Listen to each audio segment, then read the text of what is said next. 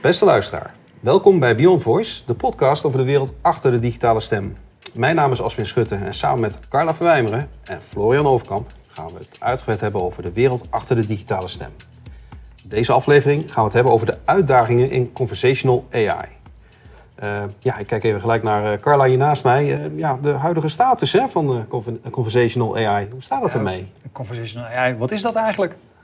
Carla, ga je gang. Nou, even bij het begin beginnen. Conversational AI, dat gaat echt, echt maar over de interactie tussen mensen en machines. dus op het moment dat jij als mens spreekt met een chatbot, als jij praat met een spraakassistent in een callcenter, dan heb je het over het domein van conversational AI. Ik werd laatst wel door iemand gecorrigeerd, want die zei van... goh, maar op het moment dat je dus een, uh, een buitenlands iemand in een andere taal... met een Nederlandse agent laat spreken... en je zit daar een soort van vertaaltechnologie tussen... is dat dan geen conversational AI meer? Ja, ik vond dat een interessante vraag. Ik dacht, want dat, dat valt bij ons ook wel zeg maar even in het uh, productpalet. Dus het is wel echt iets wat, uh, ja, waar heel veel mogelijk is. Het vertalen bedoel je? Ja, het real-time vertaal. Dus ja, ja, kan ik, stel je voor dat jij uit Oekraïne komt en ik uit Nederland. Je kan jij gewoon met mij chatten en er zit een uh, vertaalengine tussen die uh, het real-time vertaalt. Ja. Maar goed, uh, generieke zin, de interactie tussen mensen en machines. Mm -hmm. En jij vroeg mij wat is de huidige status daarvan op dit moment in de markt. Ehm, nou, ik moet eigenlijk zeggen dat ik ben er een klein beetje teleurgesteld in. En niet alleen ik. Ik denk met name als we kijken naar de Nationale Voice Monitor... dan zie je gewoon dat klanten en ook wel bedrijven nog wel echt een heleboel aandachtspunten zien. Uh, bij klanten merken we al dat klanten toch vaak niet echt goed geholpen worden. Dus een dialoog met een chatbot of met een spraakassistent, dat gaat vaak niet verder dan een vraag en antwoord. Ja, af en toe, ja. Ik begrijp je niet, dan kun je het nog een keer herhalen, dat soort. Ja. Dus of, of je hebt net niet het goede antwoord, dus je moet alsnog gaan bellen. Of, hè, of uh, gaan e-mailen. En dat is wel iets wat, waar, je, waar we zien dat klanten daar teleurgesteld over zijn. En we zien ook in het onderzoek dat één op de drie klanten aangeeft... ja, als ik beter antwoord zou krijgen op mijn vraag... dan zou ik best wel vaker van, meer van die technologie gebruik willen maken. Maar ja. zover zijn we blijkbaar toch nog niet uh, met de huidige stand van, van zaken. Is dat alleen in Europa, Nederland? Is dat bijvoorbeeld in Amerika beter, anders? Nee, je ziet het wel internationaal. Er zijn wel echt nieuwe technieken. Nou, daar gaan we het zo meteen ook nog wel over hebben. Hè, om naar die next step te komen. Maar Kijk, de meeste bedrijven die dit soort technologie in huis hebben, die zijn daar natuurlijk ook een jaar of vijf, zes geleden, denk ik, mee gestart. Uh, en die werken dus ook eigenlijk nog steeds, want die hebben destijds technologie gekozen waar ze op door zijn gaan uh, bouwen.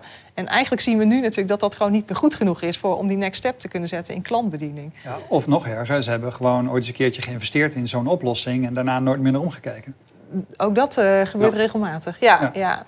En dan wel teleurgesteld over de kwaliteit ervan. Hè? Dat is dan ook weer de andere kant. Precies. Ja, ja. Ja, en als je ook kijkt vanuit organisatieperspectief, dat is een beetje denk ik ook wat je wel ziet, dat uh, er zijn heel veel gescripte, noem maar lineaire dialogen. Hè? Dus een beetje, je kent het wel, de dialoogbomen zoals een belastingsschema. Hè? Iemand zegt A of B en dan wordt dat helemaal uitgescript. En dat is zeg maar, voor je eerste use case is dat nog wel goed te doen. En de tweede lukt ook nog wel. Maar naarmate bedrijven opschalen en er meer afdelingen en meer onderwerpen bij komen, heb je zo ongelooflijk veel scripts die je ook weer moet gaan onderhouden, dat het gewoon niet meer te managen is.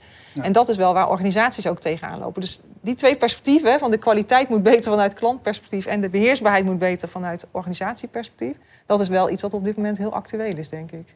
Ja, dus de, op het ogenblik dat de uh, verwachting van de klant niet wordt gehaald, dan wordt er sneller teruggevallen op een human agent of een ander kanaal. Ja, je krijgt natuurlijk dat je uh, herhaal, herhaalverkeer krijgt. Dus in plaats ja. van dat, het, dat chatbot jouw organisatie ontlast, heb je en het onderhoud van de chatbot en gaan mensen daarna alsnog bellen of alsnog mailen. Waardoor ja, je eigenlijk het dubbele werk hebt. Ja. Nou, je zag in Spanje, ik weet niet, ik zag afgelopen ja, week een heel interessant artikel. Hè, dat uh, de Spaanse Consumentenbond uh, die had daar ook een bezwaar tegen gemaakt. En daar is plan vanuit de overheid dat organisaties verplicht zijn om mensen niet langer dan drie minuten te mogen laten wachten in een callcenter. Uh, en daarna okay. moet de klant beantwoord antwoord krijgen. En dan niet van een chatbot of van een spraakassistent, maar ook echt van een live agent. En ik zie dat ook wel als symptoom van dat eigenlijk die technologie gewoon niet waar heeft gemaakt wat iedereen verwachtte. En daar, ja. Ja, ja. dan krijg je dus dit soort reacties daarop. Dus ja, de technologie precies. die moet gewoon naar het volgende niveau. Een tamelijk ondoordachte actie van de, van de Spaanse overheid dan wellicht. Maar, maar ja, de verkeerde oplossing voor het goede probleem. Ja, ik denk dat het probleem wel terecht wordt gesignaleerd. Ja. Maar ja. de vraag is inderdaad, uh, ja, al, überhaupt als het uh, personeel er al is, hè, om dat in de toekomst Precies. te kunnen gaan bemannen. Ja. Dus ik zie daar nog wel wat haken en ogen aan. Als je dat nou zo, zo bekijkt, hè, uh, we zeiden net al inderdaad, als je één keer geïnvesteerd hebt in, in zo'n platform en daarna daar niet meer naar omkijkt, of je gaat inderdaad nou ja, nieuwe dialogen eraan bouwen en aanbouwen en aanbouwen en aanbouwen. Op een gegeven moment wordt het een beetje een spaghetti-zooitje. Uh, en dan werkt dat niet meer. Maar wat is dat next level dan volgens jou? Ja, nou dat, dan, dan moet je dus echt op een fundamenteel andere manier naar deze technologie gaan kijken. Kijk, van oudsher werd er, wat ik zei, heel erg gekeken naar gescript. Hè. Wij noemen dat dan if-else technologie, hè. dus uh, vanuit een IT-perspectief. Oude gegevensbankentechniek, ja. Precies, ja. En dat, nou, dat zien we, dat werkt niet, niet goed genoeg meer. Dus we hebben in ieder geval vanuit Y Digital ook gekeken van... kan je nou op een hele andere manier naar deze materie kijken? En veel meer vanuit hoe werkt het menselijk brein nu eigenlijk. Dus nou, we, hebben ook, we werken ook veel met neurolinguïstieke mensen die daarop een PhD hebben om te kijken van ja, in je geheugen of in je brein heb je bijvoorbeeld een korte termijn geheugen. Dus ik weet nu echt nog wel wat Florian zijn laatste vraag was. Misschien niet helemaal letterlijk meer, maar ik begrijp hem nog wel. En ik weet ook nog waar we zeg maar, twee maanden geleden de podcast over hebben opgenomen. Dus, dat, hè, dus het korte en lange termijn geheugen wat jij en ik gewoon hebben, dat zat nooit in eigenlijk de conversational technologie. En dat zijn wel dingen die nodig zijn als voorbeeld om te zorgen dat je ook echt naar dat volgende niveau kunt, uh, kunt ja. gaan. Nee, dus dat is inderdaad uh, een paar afleveringen geleden toen, uh, toen Ian ook aangeschoven was. Toen hadden we het al een beetje over uh, nou ja, een, een, nieuw soort manier van kijken naar die dialogen. Ehm, hoe helpt dat de klanten verder eigenlijk? Ja, nou ik denk dat het belangrijkste is dat je gaat zien dat op het moment dat klanten echt hun natuurlijke taal kunnen gaan gebruiken in, hè, naar, naar, chatbots en naar spraakassistenten. Mm uh, dat dat het next level gaat zijn. Want nu wordt eigenlijk de klant gedwongen om uh, zich aan te passen aan het. Uh, de chatbot zegt jou, zeg A of zeg B. En dan moet ja. jij A of B zeggen. In plaats van dat jij gewoon in jouw natuurlijke taal, zoals wij met elkaar spreken, iets kan vertellen. En dat de chatbot het begrijpt en daar antwoord op kan geven. En, en dat betekent een hele grote transitie. Dat betekent eigenlijk dat je van lineaire naar non-lineaire technologie moet gaan als organisatie. dat betekent ook dat je niet meer van tevoren dus alle dialoog moet gaan uitscripten en uitdenken. Uh, en dat kan eigenlijk alleen maar als je gebruik maakt van hoe wij dan knowledge graph technologie. Hè. Dus dat is eigenlijk veel meer dat je een, ja, een kennisdomein gaat uh, inrichten waar alle kennis van jouw organisatie in zit. En dan als mensen met jou spreken, dan kan eigenlijk het systeem zelf kijken van hé, hey, deze component van deze dialoog weet ik al, maar die twee vragen moet ik bijvoorbeeld nog stellen. En dan gaat het systeem zelf beslissen wat de volgende vraag wordt die gesteld wordt. En dan praat je dus niet meer over gescripte dialogen. Dan krijgt iedere klant een eigen individuele nou, dialoog. Ja, precies. Dat, we hadden het in de voorgesprek daar ook even kort over. Uh, ik, ik heb laatst een paar keer contact gehad met de Rabo, uh, Rabobank. En uh, daar zie je dat inderdaad. Joh, uh, ik wil iets over een hypotheek. Oké, okay, is dat een zakelijke of een persoonlijke hypotheek? Nou, dat is een persoonlijke hypotheek. Oké, okay, prima. En vervolgens, dus dat is één combinatie. En dan krijg je de tweede combinatie. Ik bel voor een persoonlijke hypotheek. Oké, okay, mooi. Dan kunnen we meteen doorschakelen. Um, en dit is eigenlijk de overtreffende trap daarvan. Want je moet, in plaats van dat je al die individuele regeltjes gaat, uit, gaat uitwerken... moet je naar een ander datamodel toe.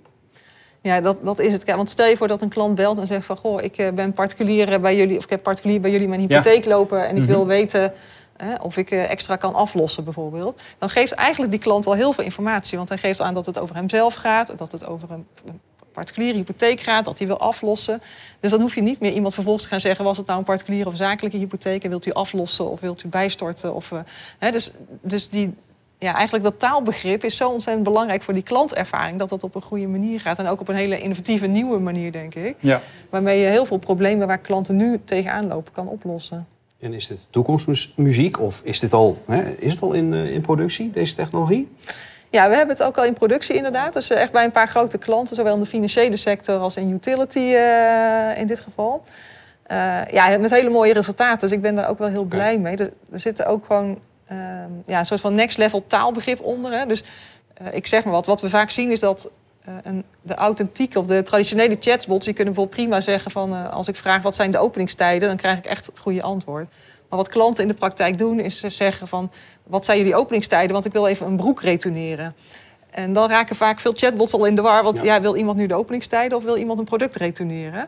Uh, dus ook die multi-intent technologie zorgen dat je twee vragen dus van elkaar kan scheiden. Dat je eerst de eerste vraag kan beantwoorden en dan met behulp van je geheugen daarna ook nog de tweede vraag kan beantwoorden. Ja, dat zijn allemaal dingen waar uh, de technologie echt naar de toekomst toe in gaat voorzien. En waar we vol mee aan het, uh, aan het aan werken zijn. En dat is gewoon heel mooi om te, ja, om te weten dat dat ook mogelijk is. Ja, je zei net al eventjes de, het korte termijn geheugen van, van de dialoog, dat, dat dat wordt bijgehouden. Ja. Uh, dat kan ook op langere termijn. Dus over meerdere dialogen, meerdere kanalen. Dat, dat is de belofte van dit soort techniek altijd geweest. Ja, klopt. Uh, toch gaat dat in de praktijk nu nog niet. Als we een klacht indienen bij de bol voor iets wat over een partner gaat... dan word je toch weer heel snel doorverwezen naar dat e-mailformuliertje. Uh, hoe, hoe helpt jullie oplossing hierbij? Ja, nou we hebben het Ellie-platform en daarmee kunnen we ook echt kanaalswitches ondersteunen. Dus we merken bijvoorbeeld, stel je voor dat jij uh, op de website met de chatbot in gesprek bent omdat jij een klacht wil indienen. Mm maar er wordt een pakketje bezorgd, dus jij moet die uh, dialoog afkappen. En later denk je, ik bel nog even om het nog af te ronden dan kunnen wij eigenlijk die dialoog meegeven, dus van de chatbot uh, op de website naar het callkanaal. En dan kan de medewerker daar gewoon dat direct oppakken. Of de spraakassistent, hè, als je met een spraakassistent uh, aan de telefoon komt, dan kan ook de spraakassistent zeggen: Goh, wilt u verder gaan met uh, afhandelen van uw klacht of wilt u een nieuwe dialoog starten? Dus op die manier kan je eigenlijk heel goed ook de inhoud van dat soort conversaties meegeven naar andere kanalen. En het zou natuurlijk helemaal mooi zijn in het geval van bol.com, als je het ook mee kan geven naar andere leveranciers, zodat je uiteindelijk gewoon een hele goede journey krijgt voor de klant. Wat we vaak zien is dat eigenlijk op dit moment in de journeys alleen maar vraag-antwoord technologie zit. Terwijl klanten zijn daar ook teleurgesteld over. De, een op de vier klanten geeft aan van ja, ik wil eigenlijk niet alleen een antwoord op mijn vraag, maar want uit het antwoord leidt maakt meestal wel weer een vervolgvraag. Hè? Bijvoorbeeld van, uh, ja, wat jij net zegt, ik wil een product retourneren. Eh, kan dat? En dan zeg je ja, dat kan. Uh, waar moet het heen? Uh, Oké, okay, en kan ik dat bij elke PostNL-punten of moet ik dat naar een DHL brengen bijvoorbeeld? Ja. Dat zijn hele logische ja. vragen voor klanten in een journey van een product retourneren. Maar dat, zijn, dat, dat kunnen de meeste technologieën kunnen dat gewoon helemaal nog niet aan. En dat, nou, dat zijn wij nu, hebben we nu wel voor elkaar. En ik denk dat dat gewoon heel gaaf is. Dat je daarmee gewoon echt naar het volgende level gaat van, van conversational AI. Nou ja, zeker dat inderdaad uitwisselen met, uh, met andere partners in die keten. Dat is, uh, dat denk ik nog wel een uitdaging. Daar moeten we het echt hebben over, nou ja, zijn er uitwisselingsstandaarden voor dit soort gegevens om dat op een goede manier te kunnen doen? Ik denk ook dat daar bijvoorbeeld ook zo'n spraakcoalitie een belangrijke rol in gaat spelen. Die is net opgericht om ook te kijken, van, ja, kan je naar open standaarden van hoe we dat doen in de Nederlandse markt. Er zitten natuurlijk heel veel vraagstukken omheen rondom privacy ook, hè, die hierbij spelen. Ja, welke data en welke dialogen kan je wel of niet meegeven als organisatie naar een, ja. Uh, ja, een subcontractor die eronder zit. Dus daar, uh, ja, daar is zeker een heleboel uitzoekwerk ook nog in te verrichten. Maar de technologie die is er al en dat, technisch is het mogelijk. Ja. En op de langere termijn, ja, wat, wat verwacht je? Ja, ik denk dat uh, sowieso, zeg maar even. Ik denk dat heel veel bedrijven op dit moment wel tegen de grenzen zijn aangelopen van de huidige technologie. Dus ik verwacht eigenlijk de komende jaren zeg maar, dat er heel veel geswitcht gaat worden naar die uh, knowledge graph technologie. Uh, die is ook al zover dat die ook commercieel inzetbaar is. Hè. Dus dat is denk ik echt de next step voor de komende, nou, zou ik zeggen, vanaf nu tot en met drie, vier jaar. En ik ben heel benieuwd zelf, en dat is ook wel iets wat ik heel erg volg, is uh, wat gaat er gebeuren met, uh, noemen we dan de GPT-3 uh, en wellicht binnenkort GPT-4-technologie. Wat, wat is dat, GPT-3? Ja, dat is technologie waarmee je eigenlijk op basis van uh, stukjes tekst kan je zelf al voorspellen wat de volgende vraag is die gesteld moet worden. En dat betekent eigenlijk dat je dus helemaal niks meer hoeft te scripten, dat eigenlijk de technologie zelf bedenkt van dit is de volgende vraag die ik ga stellen. Ja, ja. Uh, is nu, het is echt al wel ook in gebruik. We zijn er ook mee aan het experimenteren bijvoorbeeld voor mensen die eenzaam zijn. Om te kijken van kan je nou een, gewoon een gesprekje hebben met iemand uh, zonder dat er echt een domein aan zit. Want dat is natuurlijk het grote verschil. Met dit soort technologie kan je over ieder onderwerp praten en kan die eigenlijk ook op ieder uh, onderwerp reageren. Ja. Wat weer anders is dan wanneer je uh, als verzekeraar bijvoorbeeld specifiek op jouw uh, inkomsten, uh, inkomenverzekeringen of over schadeverzekeringen of zoiets wil gaan zeggen.